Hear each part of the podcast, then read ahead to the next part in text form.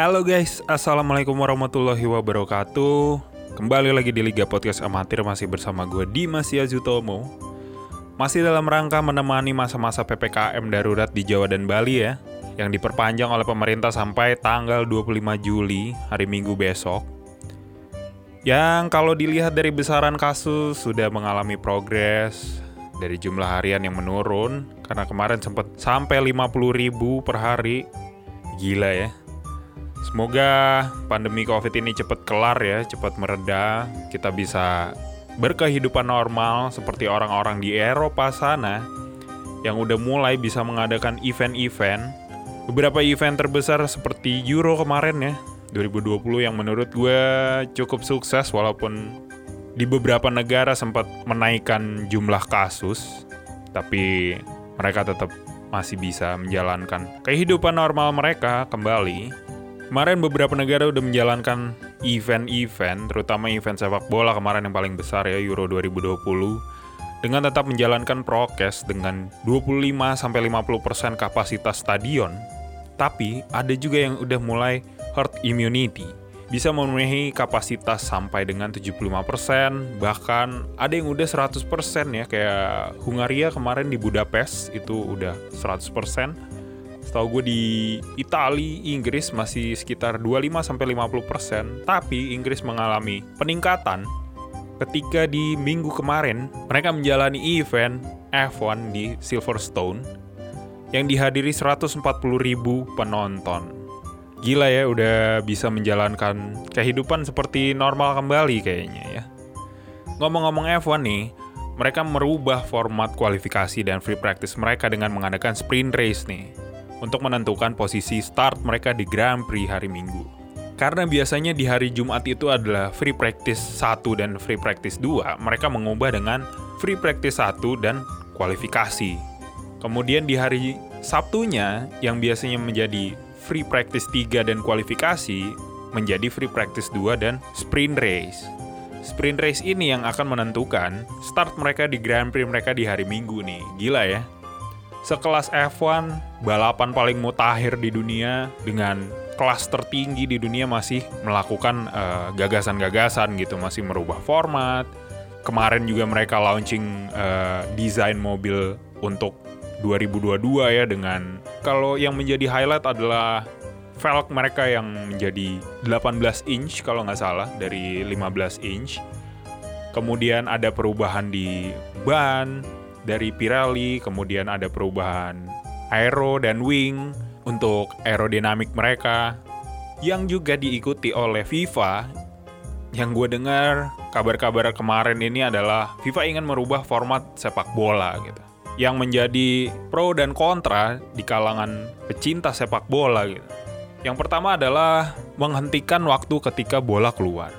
Uh, ini adalah rekomendasi dari FIFA Rule Making Panel Debate di tahun 2017, mereka mengusulkan untuk wasit hanya diizinkan meniup peluit panjang hanya ketika bola keluar. Jadi ketika bola masih dimainin, masih di dalam lapangan, walaupun waktu sudah habis, wasit ini nggak boleh meniup peluit akhir gitu. Tunggu bola sampai keluar baru mereka bisa meniup peluit akhir karena menurut FIFA rule making ini banyak keputusan-keputusan wasit yang mereka meniup peluit panjang itu ketika sebuah tim lagi melakukan advantage, misalkan serangan balik, si tim tersebut punya peluang untuk mencetak gol tapi di stop sama wasitnya gitu ya. Hal-hal itu yang membuat FIFA rule making panel debate ini mela, uh, mengeluarkan ide tersebut gitu. Kemudian yang kedua adalah durasi per babak dari 45 menit menjadi 30 menit.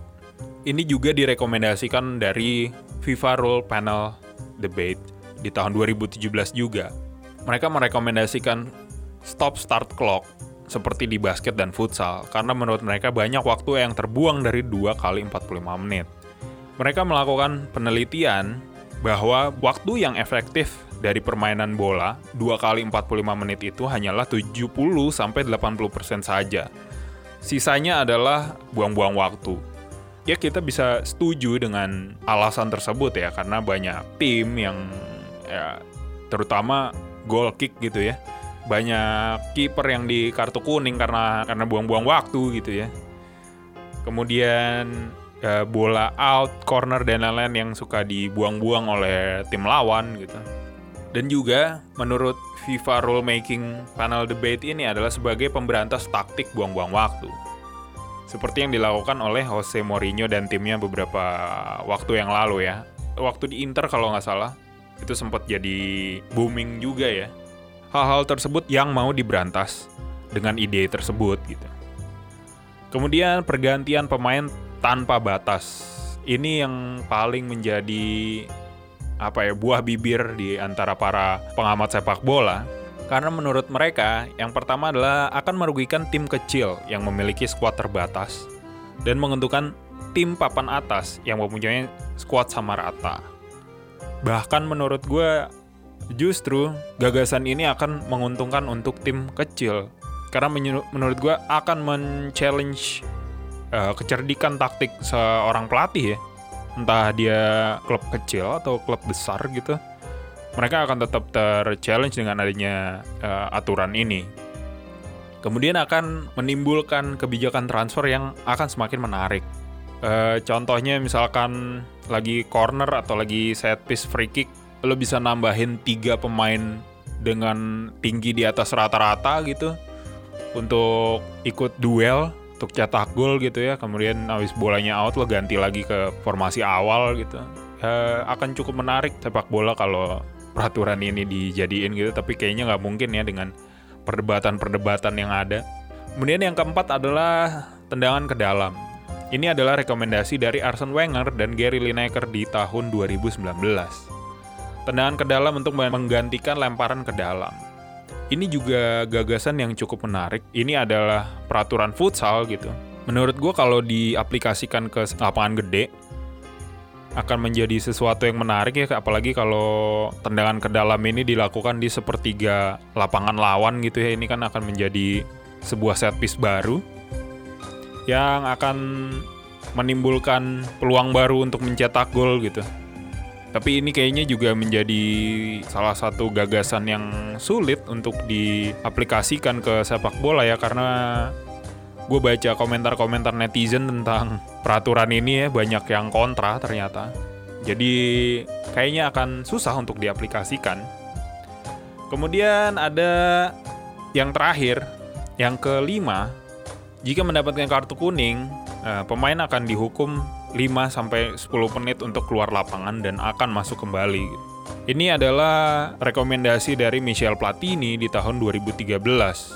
Ini juga banyak ditentang oleh pecinta sepak bola ya, karena menurut beberapa pengamat, kartu kuning ini adalah peringatan. Kalau peringatan diberikan hukuman, terus apa gunanya kartu merah yang ada gitu? Itu menurut beberapa pengamat gitu. Kemudian ada beberapa gagasan-gagasan tambahan juga yang diberikan oleh Marco van Basten.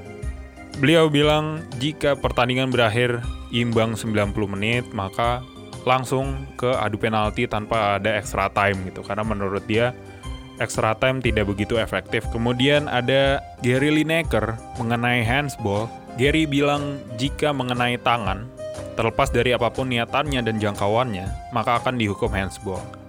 Karena menurut Gary, uh, banyak keputusan wasit terutama di Liga Inggris yang terlalu bias. Karena peraturan handsball di Liga Inggris itu juga cukup bias. Peraturannya menyebutkan bahwa uh, jika menyentuh tangan secara pasif di kotak penalti, pemain tersebut dinyatakan tidak melakukan handsball. Juga kalau mereka menyentuh bola tersebut dengan tangan yang aktif, baru mereka akan dihukum handsball dan diberikan penalti. Menurut Gary ini adalah hal yang cukup bias karena kadang seberapa tangan aktif dan pasif ini adalah hal yang bias.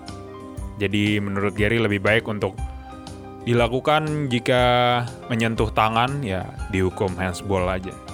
Kemudian ada Arsene Wenger tentang offside Arsen bilang hanya dianggap offside jika bagian tubuh yang bisa mencetak gol melebihi garis, melebihi garis pertahanan lawan. Anggota tubuh lain yang tidak mencetak gol dianggap tidak offside, contoh tangan. Jadi kalau tangannya aja yang melebihi garis pertahanan terakhir lawan, tidak dianggap offside dan dinyatakan sah untuk gol gitu. Tapi kalau anggota tubuh lain yang bisa mencetak gol, ya contohnya seperti kaki, kepala yang di, yang melewati garis terakhir pertahanan lawan ya akan dianggap offside. So, itu adalah beberapa gagasan-gagasan dari FIFA dan para petinggi sepak bola gitu ya. Alasan FIFA melakukan ini karena menurut beberapa petinggi, sepak bola sudah menjadi hal yang tidak menarik lagi. Dilihat dari anak-anak yang lebih memilih bermain game dan menjadi gamer dibanding bermain bola dan menjadi pemain bola. Ya menurut gue ini bisa diiakan karena ya beberapa tahun ke belakang ini ya dengan tidak adanya penonton sepak bola menjadi semakin membosankan gitu ya. Atmosfer yang hilang, kemudian permainan yang mudah ditebak. Dan permainan permainan mudah ditebak ini juga menurut gue adalah hasil dari sepak bola modern ya. Pelatih dan pemain yang udah di level tertinggi dan gak ada lagi yang bisa mereka develop ya. Jadi gap skill antara pemain udah nggak terlalu jauh gitu ya. Jadi pemain udah tahu pergerakan mereka akan seperti apa karena mereka melakukan uh, latihan yang sama ya mereka latihan dengan porsi yang sama, dengan level yang sama. Ya yang membedakan mereka hanya mungkin jam terbang dan pengalaman gitu. Jadi menurut gue, ya sepak bola dalam jangka waktu tertentu membutuhkan gagasan-gagasan baru ya untuk menjadi lebih menarik lagi untuk kita tonton gitu. So itu aja menurut gue bahasan di episode ini ya. Kalau lo ada pendapat lain lo boleh banget buat kita bahas. Lo bisa DM atau komen di @liga podcast amatir atau di IG pribadi gue @yazutomo. Jadi kita bisa bahas ini lebih lanjut. Oke, thank you buat yang udah dengerin. Dimas Yazutomo pamit. Sampai jumpa di episode berikutnya.